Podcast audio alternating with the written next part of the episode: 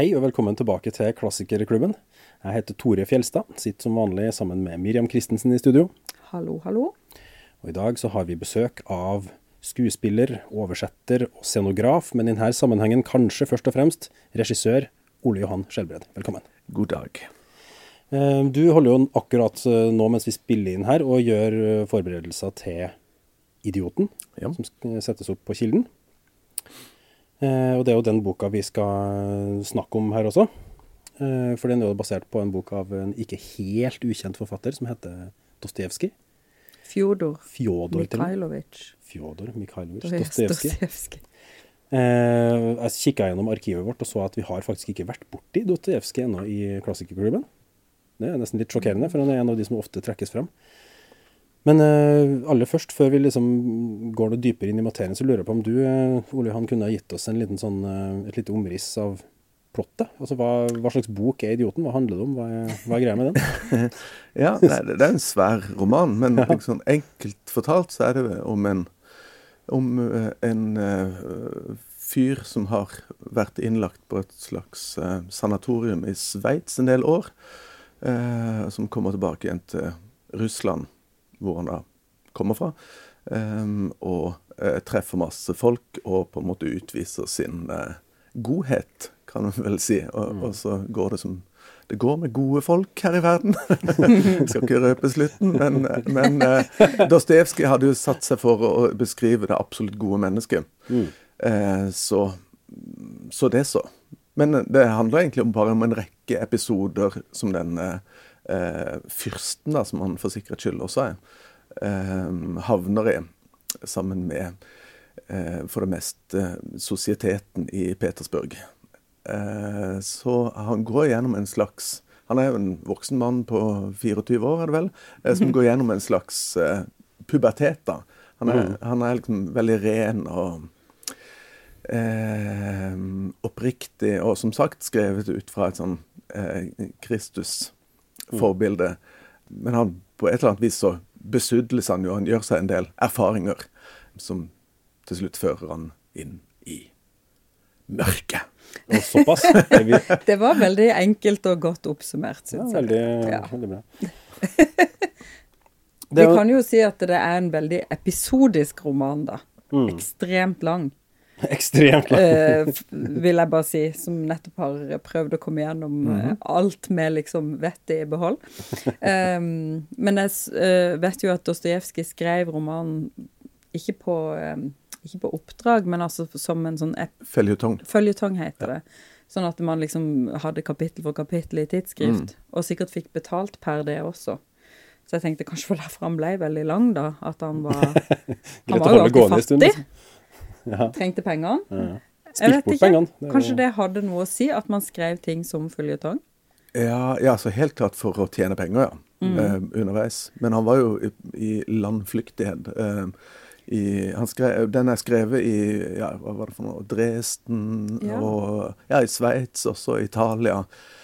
For å komme unna kreditorer i Russland, men også med forskudd. Og han spilte bort alle pengene sine eh, underveis, og kona sine smykker og det lille, lille de hadde igjen. Så det er en Ja. ganske sånn uh, Og jeg tror ikke det var for å hale ut tida og sånt. Han levde Altså, at, jeg mener at han skrev det så Ja. langt. Men han hadde jo enormt store ambisjoner med dette verket. Han var jo en dypt religiøs, eh, nærmest fanatisk, eh, på en måte både nasjonalistisk og, eh, og religiøst. Um, det er ikke det, det, det, Jeg har hørt at han er omtalt som verdens ondeste kristne. for, det, for, det, for det er noe ganske forrykt Ja. ved på en måte eh, mange av liksom, ståstedene hans sine. Men så er det jo også noe helt sånn fantastisk hvor, hvor, eh, hvordan han kan beskrive folk Altså oss. Ja. Eh, eh, så rikt og så eh, eh, vondt og godt og egentlig latterlig. Hvor latterlige eh, vi er når vi er eh, i vanskelige situasjoner. Um, så, så han har jo da en helt eh, fantastisk evne til å beskrive da eh, Han er jo en psykolog, eh, eh, eller han er jo ikke det, men altså, det er jo det han er kjent for å være. Altså skrive eh, ut psyken og sjelslivet. Um, og putte folk i helt ja, ekstreme situasjoner. Hva var spørsmålet? Nei. Det var den korte oppsummeringa av hva idioten egentlig handler om. Ja, det er jo som du sier, ganske sånn eh, Prosjektet er jo helt vanvittig. og skriver liksom det absolutte godhet. en karakter som Det var akkurat det. Jeg tror han, skrev, han, han hadde store ambisjoner for det. Så jeg, jeg, han, han måtte jo skrive det ferdig på et eller annet vis. Mm. Eh, men jeg tror hvis han kunne, så hadde han bare levert og fått pengene for det. Mm. Ja. Ja. Ja.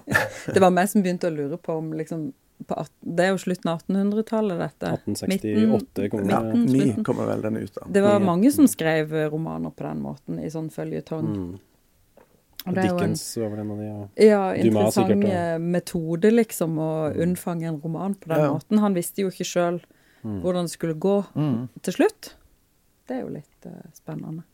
Ja, og Sånn metodikk, Det, Ja, jeg tror vel det er mange som skriver med, altså etter den metodikken, men de, som regel så går de tilbake igjen og korrigerer litt og bygger litt om. Men når det allerede er gitt ut for, Ja, det er det. for et par måneder tid siden, så er det ikke Ja. noe vei tilbake. Nei, Så det er ganske imponerende. Mm. For han, Ja. han eh, skriver jo ut et sånn veldig stort persongalleri. Mm. eh, og følger folk eh, i tykt og tynt og gjennom helt eh, ja, sto, store svingninger. Altså en svær gruppe med folk. Og det er også grunnen til at det er interessant å jobbe med som teater, eh, for min del. At det er at det er mange forskjellige interessante personer som på en måte utgjør et kollektiv. Eh, for det, selv om den he- heter 'Idioten', og sånn, så er det jo på en måte Den forteller vel så mye om den verden rundt eh, dette mennesket som på en måte står i sentrum for det. For han er på en måte en, en slags biperson. eh, På mange måter, da. Eh, han går inn i sammenhenger, men han møter, møter verden med forståelse og på en måte eh, urettferdighet overfor han sjøl.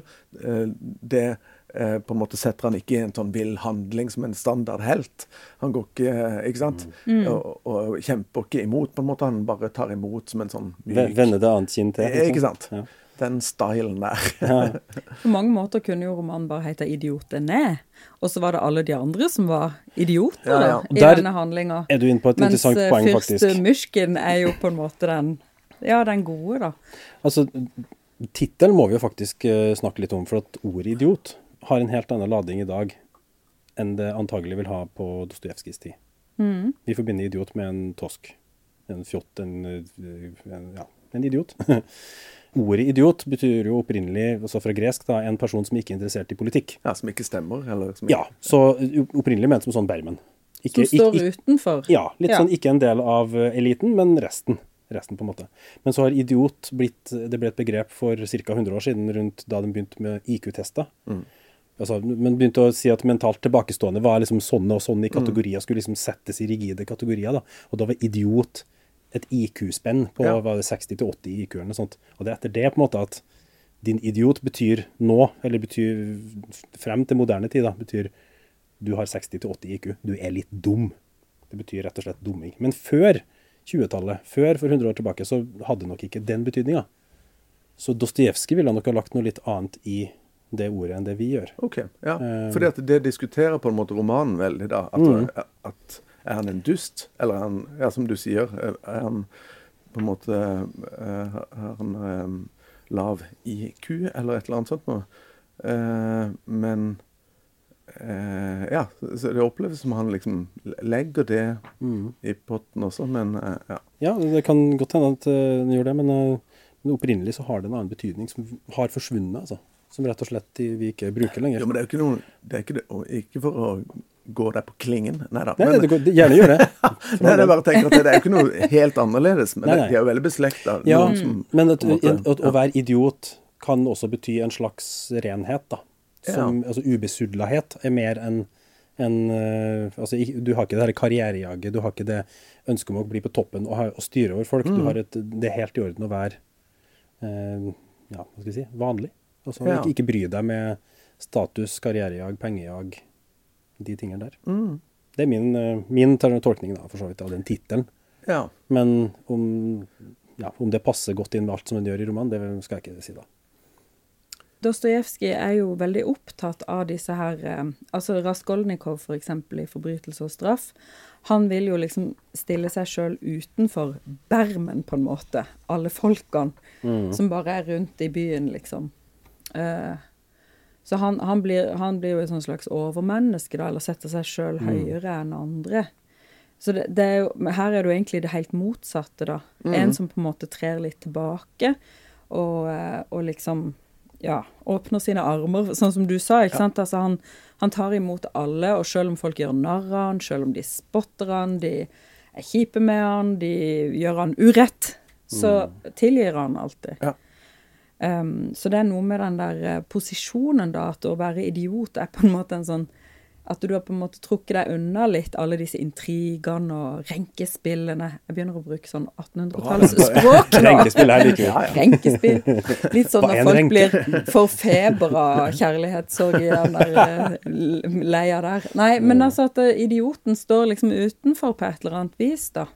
Han er rein, han er opphøyd. Men han blir jo um, blanda inn i det. Han blir blanda inn i ja. det. Uh, men, men jeg allikevel Og det er jo også kjempeinteressant rent sånn uh, som en hovedperson i en roman, ja. at han er så uh, lite agerende og handlende, da.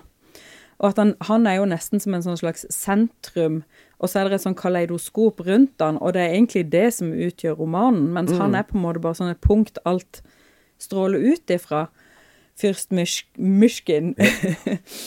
og, og, så er han også en person som um, setter i gang handling ved sitt blotte nærvær, da. For at folk blir jo enormt sånn trigga av en person som, mm. som er så lite um, ego. Mm. Han, han, er så uselvisk og god og kjærlig at folk blir jo helt gærne, liksom. For at de er jo skikkelig sånn borgerskapet, sånn der eh, Alt er bare sånn sjalusi, og det er jo så mye drama. Og når, og når, han på en måte blir så kontrast til det, så ja. blir jo de så trigga. Helt klart. Um, for han kan brukes til forskjellige ting, og du kan lese alt mulig inn i et, et sånn åpent ja. ark, eller hva er det for noe? Litt. Ja, han lar seg ja. liksom føre hit og dit, og plutselig så bor han her i denne sommerboligen hos den, og så Ja, men kan ikke du heller komme til oss? Og så, altså, det er veldig mye sånn Det er veldig mye fram og tilbake. Veldig mye frem og tilbake, og mye sånn skjult arv og Uh, hemmelig begjær, holdt jeg på å si. Uh, det, det, er veldig mye sånn uh, Det er også gøy, syns jeg, med Dostojevskij, som på en måte er kjent for å ha et sånn dyster og Guds eksistens og sånn, men han skriver jo på en måte ja, ikke sant, mm. føljetongaktig. Det er masse romantikk. og det er altså sånn, Da mener jeg, ikke for å henge det ut, men på en sånn flott måte at han beskriver kjærlighet og liksom intriger i forbindelse med det, og som du sier, masse sånne Selv om det, dette er en sånn merkelig lite handlende hovedperson. da. Mm. Ikke sant? I mange av de andre bøkene så er det jo flere med sånn Napoleon-syndrom, ikke sant?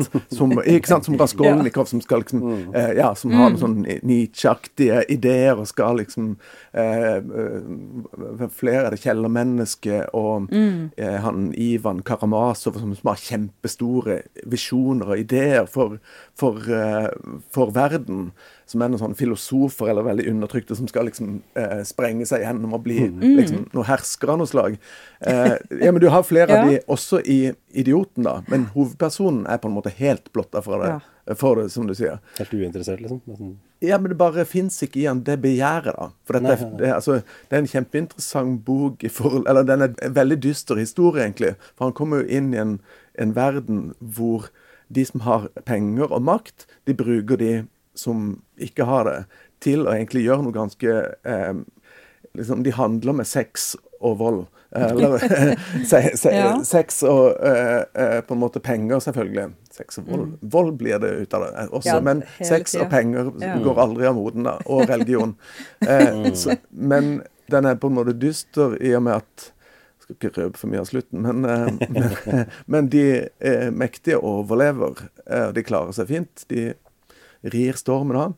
Uh, mens de som på en måte er innløper i musehjulet, mm. og enten er ute etter disse uh, pengene eller den kjærligheten, eller bare er gode, de på en måte kvernes i stykker av mm. apparatet. Så det er ganske sånn den har, uh, det, det, er også fantastisk med Dostojevskij, at han skriver Eh, både om det veldig lave i mennesket og det høye, og storslåtte. på en mm. måte, Et sånn blanding av høyt og lavt hele tiden, som er um, veldig attraktivt mm. uh, for meg som som er, så, Det er jo grunnen til at en leser det. da. Mm. Det er så mye som er sånn gjenkjennelig. da. Han skriver ut ekstreme ting, men som altså Vi lever jo ganske ekstremt liksom bak maska. Um, altså, vi, vi, går gjennom sto, store og små ting mm. hver dag som på en måte ikke, ikke, nødvendigvis kommer så mye til uttrykk. Men livet er fullt av drama. Mm. Men, men, jeg syns det er fantastisk hvordan han på en måte tilgjengeliggjør det.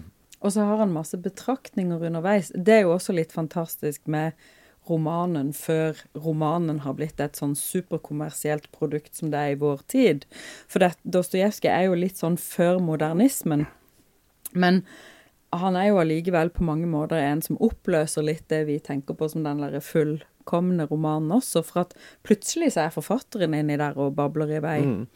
om et eller annet. Og så er det sånn kommentering, da. Uh, for masse handling, masse dialog, masse beskrivelser av ting. Og så plutselig kommer det kanskje en utrolig sånn ren filosofisk betraktning om f.eks. de vanlige menneskene. Mm de vanlige menneskene de kan på en måte aldri bli storarta eller helt uh, elendige. De bare går rundt der og er vanlige, f.eks. og det er sånne ting som gjør at du Og det gjelder liksom Det er jo ikke noe som går ut av historien, det. det så han, han har uh, han, På et eller annet vis så klarer du da liksom å relatere til Petersburg på midten av 1800-tallet. og det er jo ganske sprøtt. Mm. For det, måten de snakker til hverandre på, f.eks., er jo noen ganger helt absurd. Men innholdet i det, og de tingene som skjer, og følelsene de har, og, og tankene de har, det er jo bare så genuint menneskelig. Ja. Mm. Og det er vel derfor det også blir lest uh, Dostojevskij fremdeles. Forhåpentligvis mm. også i framtiden. Men at det er derfor man også kan dramatisere det, da, og sette det opp på en scene, eller ja. Mm. Jeg sjekka jo statusen i vårt uh, magasin på Idioten, hvor mange eksemplarer vi hadde ledig av den. Det var ingenting ledig. Alt er lånt ut. Det har nok litt sammenheng med at det blir satt opp på teatret, tenker jeg. Men, ja, kanskje. men det er jo hyggelig at uh, måte, folk går tilbake til kildematerialet. Da, og ser liksom, mm. da, jeg vil forberede meg ved å lese boka først. Det, det er litt kult, syns jeg. Men jeg skjønner som at Dostojevskij sine romaner skiller seg litt fra de tidligere altså Hvis du skal sette opp en ting på et teater, da. Hvis du skal sette opp Shakespeare, så har du replikkene, liksom og så må du prøve å sette deg inn ok, men hva er det som ligger bak de replikkene. Mens i Dostojevskij så har du et helt sånn filosofisk apparat som ligger i bakgrunnen, så alle karakterene er på en måte mer Du har mer å gå på hvis du er skuespiller og skal prøve å, å være en karakter. Du har mye, mye mer å hente hos Dostojevskij, er det riktig? Du, du, får mye mer innblikk i folks psykologi, folks syke, folks tanker, følelser? Eh, ja, altså det er jo forskjellige eh, sjangre, eh, mm. selvfølgelig. Mm. Jo, klart. Men eh, Dostojevskij skiller seg fra andre romanforfattere ved at det er så ekstremt dialogdrevet. Altså, mm. Altså, det er så mye dialog at dette blir helt gala. Nei da, men, men, for å svare på spørsmålet ditt, så, så, så er det jo ja, en interessant Som du sier, å ha masse materiale å eh, hente fra når mm. en eh, jobber med ja, en teater oppsetning. Det er mer med at det er så mye materiale. Må jo vel, mm. det, å velge, ja, det å velge er jo en stor jobb. Mm. Um. Men uh, jeg syns det er fantastisk å bare ha mulighet til å sette seg inn i et materiale og kunne klippe og lime og ja, flytte det fra Jeg kan liksom ikke bare ta en bokside og flytte, lese den opp på scenen. Jeg må mm. liksom ja, klippe og lime litt. Mm. Det syns jeg er interessant arbeid. Men uh, ja. For, for å spisse liksom til sceneformatet, på en måte. Mm. Mm. Men det er jo også alle disse personene. altså Dostojevskij er jo sin litteratur er jo da gjennom litteraturteoretikeren eller litteraturhistorikeren Mikhail Bakhtin som jeg ikke husker lenger når jeg levde, for jeg er elendig på årstall, men seinere, da. Ja, ja. Eh, ja, ja men fra slutten av 1800 til ja. Og han, han, var jo veldig opptatt av det her Polyfonien. Polyfonien, altså flerstemmigheten i Dostojevskij sine romaner. At det er så mange personer som får komme til orde, da. Mm. Og i 'Idioten' så syns jeg jo det er veldig påtagelig, for det er jo nettopp eh, sånn da at denne hovedpersonen er trådt litt tilbake, nesten og bare er der som en sånn bakgrunnsfigur som alt stråler ut fra. Og så er det så Det er på en måte ikke en veldig tydelig hovedperson utenom han. Det er et galleri, som du sier. Mm. Det er jo faktisk veldig teatralsk, holdt jeg på veldig, Det virker veldig som en sånn scene, da. Hvor det er mange personer som kommer og går og um, Det virker egentlig nesten litt uh, perfekt å sette akkurat idioten opp på en scene. Takk. Eller Takk for tilliten. Ja. Du får det til å høres så lett ut. Men, men det er det Det er jo også litt sånn um, gøy med å lese romanen, er jo nettopp det. At du liksom ikke Du blir ikke stuck med én person. Eller bare oppi hodet til en, som det av og til kommer folk når en jobber på et bibliotek og sier 'Jeg ble så utrolig sliten av å være inni hodet på den ene personen over ti sider'. og sånn er det jo ikke her. Altså det, det er den flerstemmigheten, da. Og folk står for veldig forskjellige livssyn, og, og diskuterer jo veldig mye um, liksom filosofiske, religiøse ideer om livet og, og kjærligheten og hvordan ting liksom verden egentlig skal være og sånn. Ja, ja. Og da, da får du Jeg tenker der, der diskuterer Dostojevskij med seg sjøl, liksom. At han sitter der oppe i sitt hode, da. Det er hans hode, men han har så utrolig mange stemmer i det hodet som han lar komme fram, da. Ja, ja, og at det er jo Bare for å sitere han Bakhtin, eller Bakhtin, så er eh, Altså at den prosjektet til Dostojevskij er så imponerende ved at han på en måte lar alle de her Han hadde jo veldig klare eh, meninger om ting sjøl, i forhold til eh, Europa og eh, eh, Russland og eh, på en måte hva som var eh, Redningen ligger jo i det veldig sånn strenge, ortodokse eh, russiske frelsen. Men de her forskjellige ideene får lov til å utvikle seg. Og han trenger ikke Han har ikke et sånt program, eller kanskje han hadde det, men det, det slippes helt løs. Sånn at de her forskjellige stemmene får lov til å bare utvikle seg. Og, så- og så tar de her romanene noen helt andre vendinger og kom, havner på noen helt andre konklusjoner enn han sjøl ville gjort. da. Og det er, um, ja, det er veldig imponerende hvordan han slipper løs disse her ideene og disse menneskene. og det er liksom ikke tenkt. Det, det er så veldig levd, de her forskjellige eh, banene. Og de tar disse menneskene og eh, opplevelsene de har, da. Hvilke personer er det du opplever som de mest sentrale personene som du får kjempelyst til å ta tak i da, når du skal dramatisere 'Idioten'? Altså, det er jo en sånn eh, kjærlighetsintrige i midten av denne historien som er vanskelig å komme utenom, for å si det sånn. Så jeg har ikke, ikke lyst til å ta med den. Men det fins veldig mange ting som blir utelatt ofte i filmer og dramatiseringer. Eh, blant annet så er det en sånn nihilistgjeng. Eh, som jeg er veldig glad i. Eh, Jeg tenker Peter Lebowski med en gang. Jeg, Ja. det er en gjeng nihilister som The Nihilists. ja, nei, ja, ikke sant? We believe in nothing! Jo, jo, det, det kommer fra, fra et sted, så klart. Men eh, eh, Så det er en liten sånn, sånn bande eh, som som jo er veldig på en måte present i, ja, i flere av altså, i, Så klart i Russland mot slutten av eh, 1800-tallet, helt klart, men også i flere av Dostojevskijs romaner. At det er den der samfunnskampen. Og det, det foregår jo i et, i et eh, eh, samfunn som er i ferd med å krakelere, ikke sant. Så den overgangs... Eh, eh, han er jo en overgangsforfatter. Eh, altså, kanskje hvem er ikke det, holdt jeg på å si. Men han, han, han tar det så veldig opp i seg. Den derre eh, knakende ubalansen at han eh, det å ha med disse folkene som er på en måte litt perifere i forhold til selve plottet, selve in intrigen. Eh, for at det er jo flere historier, selvfølgelig. Eh, men jeg er veldig svak for ja, flere av disse her eh, ja, bihistoriene. da. Mm. Så, eh, så jeg er veldig glad i den der eh, gjengen eh, med Ippolit og Ja, du har jo lest den akkurat. Men eh, altså, mm. nihilistgjengen er jeg veldig svak for. Ja. Ja. det er jo ellers Keller sånn og at Burdovskij. og- Ja, sant. Det er jo et vell av navn her også. Oh, Og yes. ikke minst russiske navn, som jo da er Ikke sant, Fjodor Mikhailovitsj. Det var litt derfor jeg fikk lyst til å si det foran Dostojevskij. Ja, For det er fornavn, mellomnavn og etternavn, og mellomnavnet spiller vel tilbake på ja. farsnavnet. Og så er det forskjell på kvinnelig og mannlig mellomnavn, og så er det Alle har kallenavn. kallenavn, ja. Klart. Kjempe Og det er jo faktisk litt fantastisk. Men på et tidspunkt så er det så mange navn at du glemmer litt hvem som sier hva. Og så hvis du bare ikke går helt bananas på å prøve å huske hvem er det som snakker nå, men bare liksom flyter med, så funker faktisk det òg. Ja. Så noen ganger så oppløser nesten handlinga seg litt, og så er det allikevel så står det så mye der. som du bare kan liksom nyte litt, da. Hvis ikke du må nilese, da.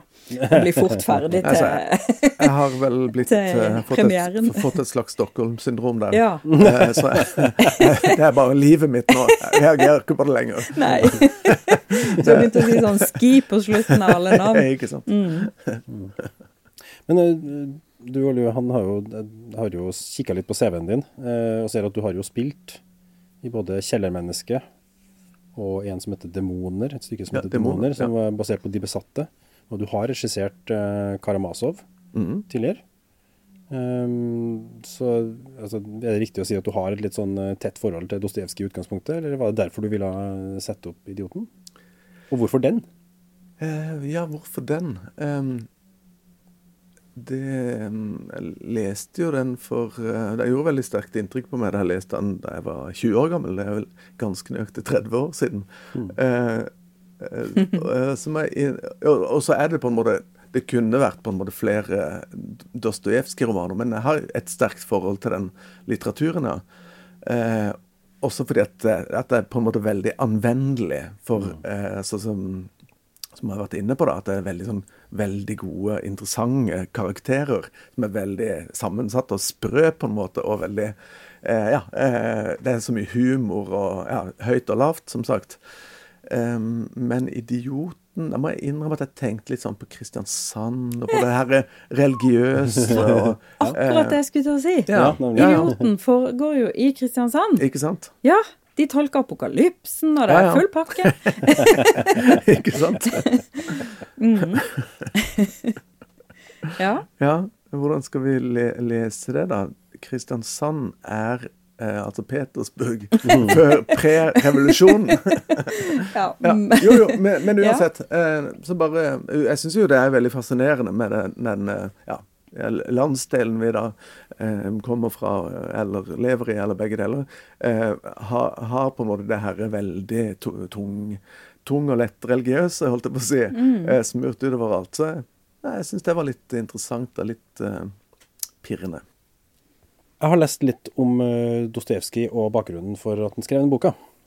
Eh, fordi da han holdt på med eh, forbrytelse og straff, og innså at den her rekker jeg ikke å levere ferdig til forleggeren, som jeg har skrevet en kontrakt med.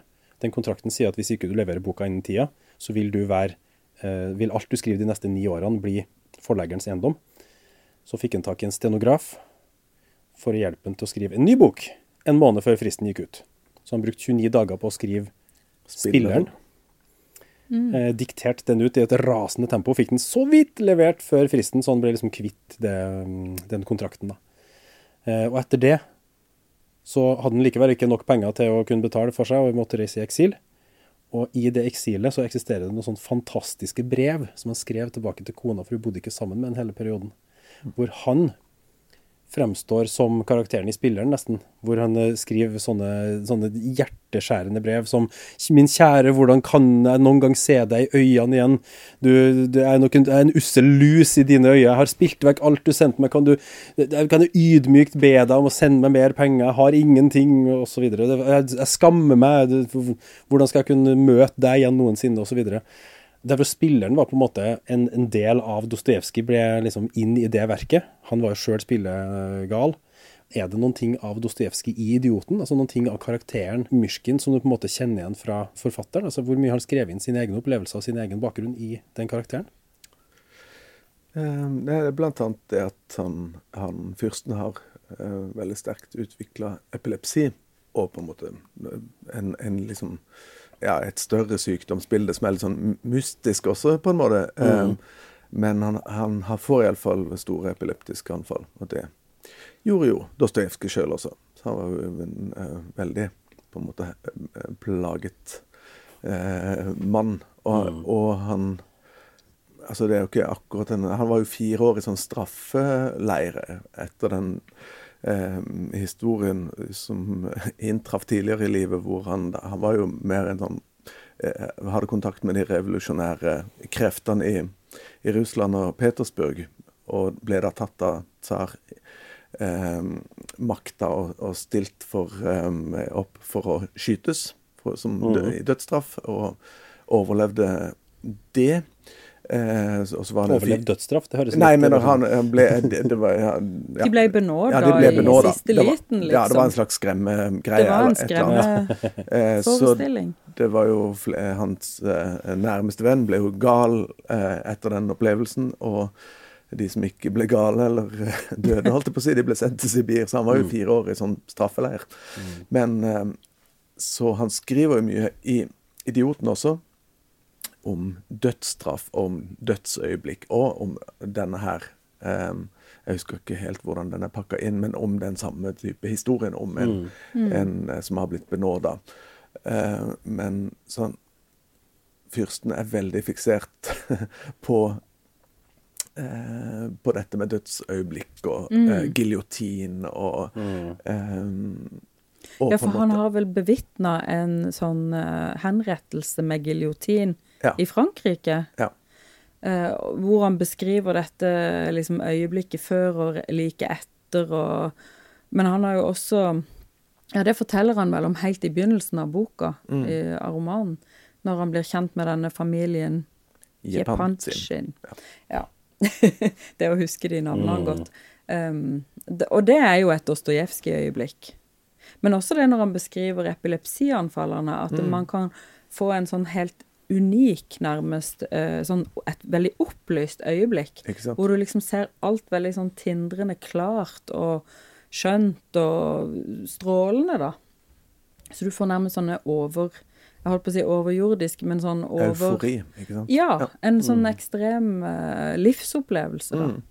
Så jeg tenker det må jo Dostojevskij ha gjennomlevd sjøl, ganske sånn tydelig, da, når han kan Ja. beskrive det på den måten. Ikke sant? B både i forhold til det med, med epilepsien, men også i forhold til det her med dødsøyeblikket. da. Hvis du vet at du skal dø eh, om et minutt eller ti, så, så sanser du verden og på en måte tilværelsen på en helt annen måte. Eh, så, så det er jo en besettelse med dette her eh, overgangen mellom liv og død, da.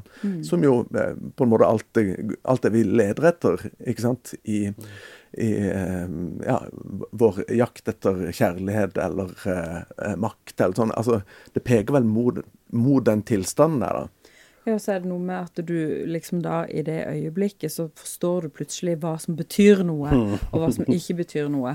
Og du ser verden med nye øyne, og det er jo på en måte en sånn veldig krystallisert versjon av det vi, som du sier, vi alltid leter etter, alltid ja, trakter etter, da. Grunnen til at vi liksom ruser oss, eksempel, er jo fordi at vi altså, I rusen så kommer det jo sånne eh, Eller vi tror kanskje at det skal komme, i hvert fall at det er noe sånn til, tilløp til det derre sånn ah, Altså tilværelse At alt faller på plass på et eller annet vis. Eh, det trenger en litt promille eller, eller en dødsstraff.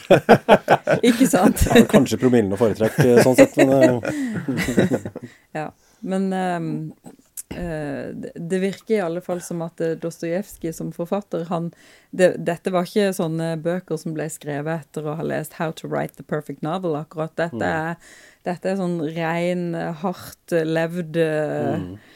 Gjennom hans hode og kropp og sjel. Han måtte jo bli forfatter. Han, han slukte Pushkin som barn, jeg vet det, og, og levde liksom Gogol. Ja. ja, Ja. ikke sant? Og, og ble lest for når han var liten, bibelfortellinger og eventyr og, og alt det, og oppdagte litteraturen og begynte å isolere seg og sitte og lese. Så han er jo den der klassiske lesehesten, Ja, ja. forfatteren. Og det var bare dette han ville, selv om han ble utdanna Ingeniør, ingeniør. Ja, vel? ja, ja. Jo, men det er jo interessant Så- etter, den, etter de første bøkene, som jo eh, den fattige folk har ikke lest, men flere av de tidligere bøkene er jo litt mer sånn absurde, surrealistiske, dobbeltgjengeren Ja, som og- passer inn i den russiske liksom, Ja, ja. litterære stilen. På, Men det er på en måte etter den der mm. Sibir-opplevelsen Ja. og etter den dødsdommen og det, at han blir eh, Da kommer det. Ja, lidelsen og alt det der. Så det er jo mange som eh, litt sånn ironisk takker eh, tsarveldet for at de sendte han til Sibir. Ja. skapt den Dostojevskij vi ikke kjenner. sant? Ja. Ja. Uten dette så hadde vi ikke fått den Dostojevskij vi har. Et stort forfatterskap ble liksom født i det Dostojevskij Ja. døde, i anførselstegn, på uh, den liksom-henrettelsen. Men jeg syns det er veldig fint at Eller du bare sa ordet eventyr inni her. For at det er ganske sånn eventyrlig det han alltid skriver. At det er veldig det er onde og det gode, og det Mm. lyse og det mørke, eh, og det skitne og det rene. Altså, det er veldig sånne sterke eh, motsetninger, og veldig sånne Ja, eh, ja så, mange sånne eventyrspor. Og det syns jeg er ganske, det er ganske ekstremt og deilig. Og ja, akkurat det der mørke og det lyse, liksom, Ja. er jo veldig eventyraktig. Mm. så det er jo en sånn hyperrealisme, eller hva en skal si for noe. Eh, sjangeren er vel noen Det er veldig Det er veldig alt sånn er trukket liksom ut i sin ekstreme. eller Ikke sant? Ja. Og Veldig veldig ekstremt. eksistensielt også. Jo, jo. Prekært hele tida. Ja. De lever jo liksom hele tida sånn. Er det på liksom Hun ene mora, er det Prokofjevna, eller ja, Jeg husker ikke om det er hun, da, men en av mødrene, liksom. De er jo sånn på randen hele tida. Ja, ja. De snakker bare i capslock, liksom. Det er helt sånn eh, Det er bare store ord og store følelser og mye drama, da. For det er jo noe skitt å være eh, mor til tre ugifte døtre i midten av 20-årene, har jeg nå lært. Ja, da er det for sent for dem, ikke sant? Ja, det er skikkelig trøbbel. Det er mange forfattere på 1800-tallet som, som vi for så vidt har snakka om i klassikerklubben også, som lever Jeg skal ikke si svære men de er igjennom ganske mye, altså. Og Dostojevskij også. Han har vært i straffekoloni. Han har, eh, altså Første kona hans dør. Han mister et barn. Han eh, er spilleavhengig, spiller bort alt ned. Han må i eksil. Eh, har liksom sånn konstant sjelelige kvaler for alt mulig rart hele tida. Men det krever jo et ganske skarpt hode da, å få til å altså, En ting er å leve det, men en annen ting er å skrive om det. Ja, ja. Og faktisk få til å uttrykke det som gjør at vi som ikke har det sånn, kan leve oss inn i det og prøve å forstå liksom hva som går gjennom de her karakterene som opplever alle de tingene her. da. Det man, man blir jo helt paff Mm. eh, i møte med sånne verker. Mm.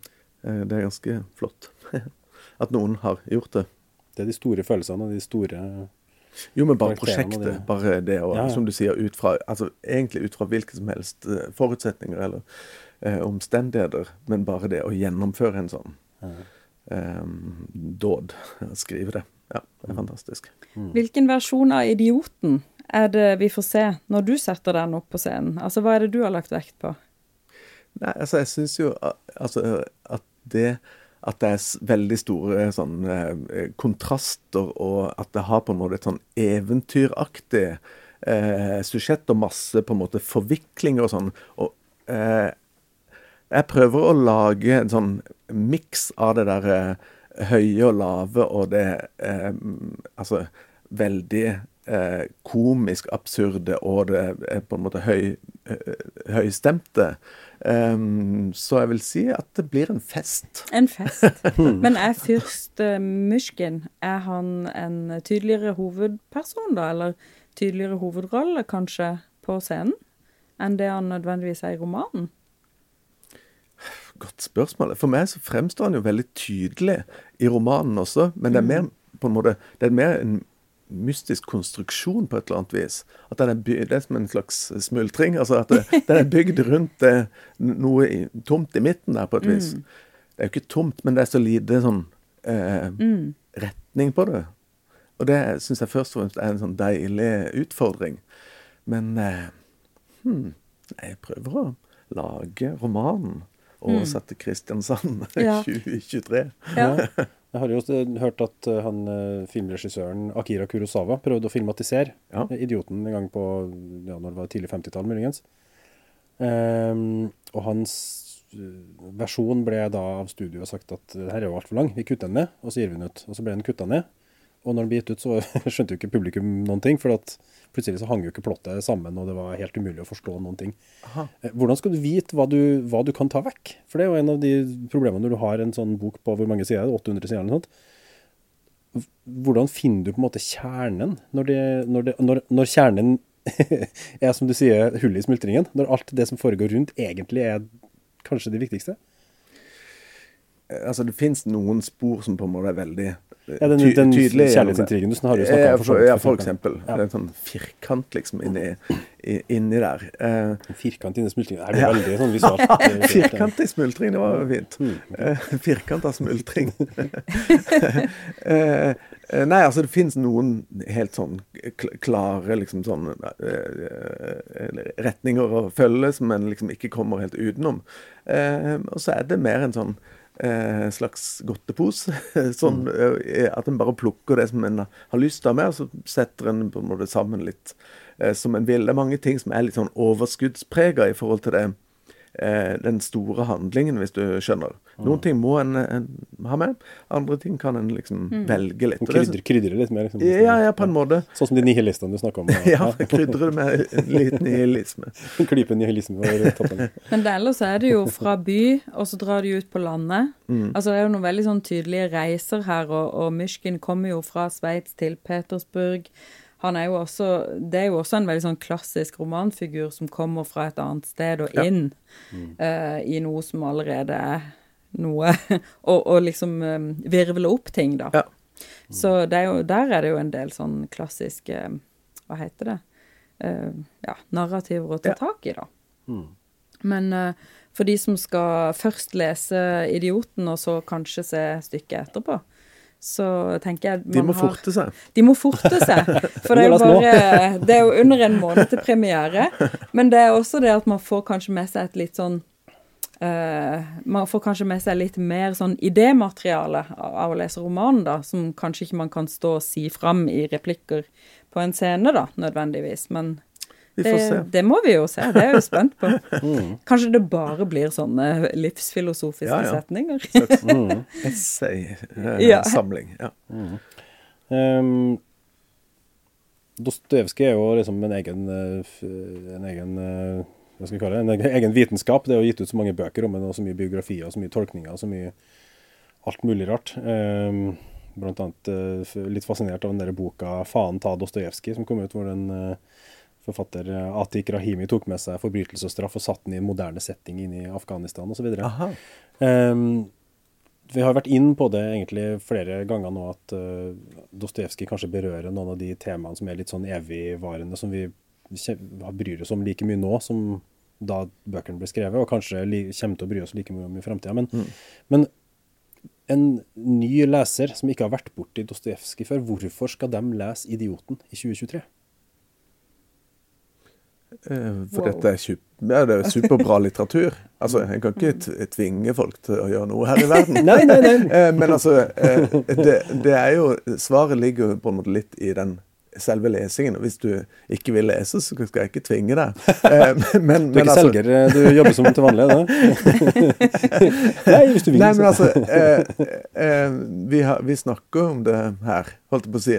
Hva som er liksom storslått ved det prosjektet. Eh, ved at det er så eh, sånn, sånn eh, utrolig flotte beskrivelser av eller ikke, ja, De er på en måte flotte i sin dybde, da, eller, og sin eh, både letthet og tyngde i forhold til å beskrive hvordan vi fungerer som mennesker. da. Eh, så en, en blir litt klokere, en blir bedre mennesker, rett og slett. Øy, det var salgstriks. Oh, Det blurb. Du Men blir for- bedre Ja, altså. menneske av å lese 'Idioten'. Ja, skal ja, lese Idioten men fordi det du gjør blir det helt bedre Men, men, men bare, den der Kurosawa-filmen du refererte til, den er veldig bra. Og han har jo oversatt det til, da, til Japan i etterkrigstida. Mm. Så da kommer han Han er ikke fyrste der, da, men han kommer Han fyren, la oss kalle han det, kommer, Mm. kommer tilbake igjen eh, etter å ha vært i fang, krigsfangenskap. Og så ruller hele den historien eh, opp. Men som, som har på en måte det samme. Men den tar også veldig sånn Den tar fatt i den eh, liksom intrigen inn i midten der.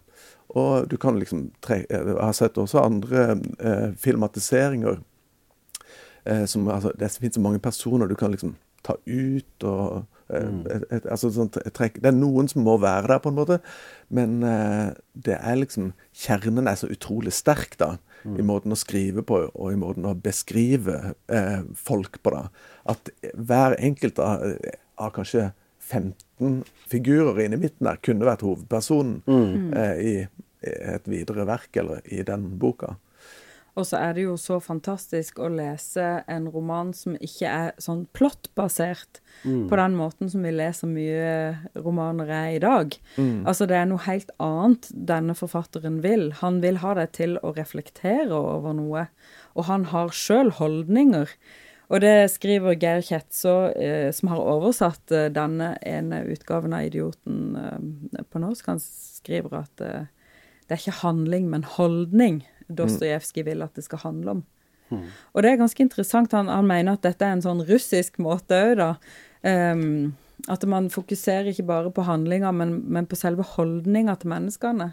Så jeg vet ikke om vi reflekterer så mye i, i dag, da, sånn oss hverdagsmennesker, da, over ja, hva er godhet, og hvordan møter vi våre medmennesker? Hvordan tar du imot noen som trenger tilgivelse? Eh, når har noen gjort noe som det ikke går an å tilgi? Det skjer jo egentlig aldri i Dostojevskijs verden. Så han vil jo ha oss til å reflektere over de liksom store spørsmålene i menneskelivet, samtidig som han gir deg liksom full underholdning med eh, holdt på å si kruttlapppistoler og, og hemmelige brev og eh, intriger og romantikk og sjalusi og drama. Det er en blurb. Nei, veldig lang blurb. blurb, da. veldig bra. Ja, det må jeg si. um, så den her tanken om at du blir et bedre menneske av å lese, uh, lese 'Idioten', det er noe ting Dostojevskij sjøl ville ha vært veldig fornøyd med, virker det som. da. Ja, eh, og det er jo interessant også at prosjektene sitt var så mislykka. Han, skulle, han, skulle, han satte seg for å, skrive ut det på en måte det altså perfekte mennesket, på en måte. Kristus på jord, det, det, er det reneste, det beste mennesket. Og så går det bare så totalt til helvete. eh, eh, så det er på, måte på mange måter et mislykka prosjekt. Eh, men i forhold til det med plott, så er det jo også en interessant Den er jo delt i fire bøker. da, Bok én, bok to, bok tre, bok fire. Den første den, den er jo ekstremt sånn for å bruke norsk eh, som det skal brukes. Eh, men foregår, der, der foregår alt på én dag. Og det foregår helt sånn enorme ting. Men da kommer eh, fyrsten tilbake igjen og blir kjent med liksom eh, 20 personer godt, og en sånn vanvittig sånn fortetta, komplisert, men veldig sånn eh, kompakt intrige utspiller seg eh, i løpet av en dag, og, som er- slutter med at eh, fyrsten har fridd til en kvinne, som da har forlatt han i forhold til en annen. Eh, og så- Ja, ja. Altså, sånn, det bare På en dag. På en dag, ja. Så, så den, er, den er veldig tett. For en dag. Også, ja, ikke sant? For en dag det var. Hvis når du har til dag, åh, du vil ikke tro det. Jo, men, den er veldig sånn pl pl veldig eh, basert plottbasert. Og så flyter den litt ut. Eh, bare for å gi et lite eh, hint om hvordan forestillingen blir. Også. Nei da. Eh, altså, fø- første akt tror jeg blir veldig sånn tett. Andre akt løser det liksom litt mer opp. Men eh, det er jo når det løses litt opp, at ting begynner å skje Ja. her i livet. Det er nettopp det. Var ikke det en fin uh, avslutning? Mm. Jo, jeg lurer på om det, det, ja, det høres ut som vi gleder oss til å se det her stykket. Mm. slett. Vi gjør det. Da må jeg egentlig bare få lov til å avslutte med å si at uh, tusen takk, Ole Johan, for at du ville komme i studio og snakke om idioten med oss. Tusen takk, Takk. To- Tore. Jeg håper du kommer og ser. Ja, det, det må jo det nå. Ja. Og takk for at du hørte på.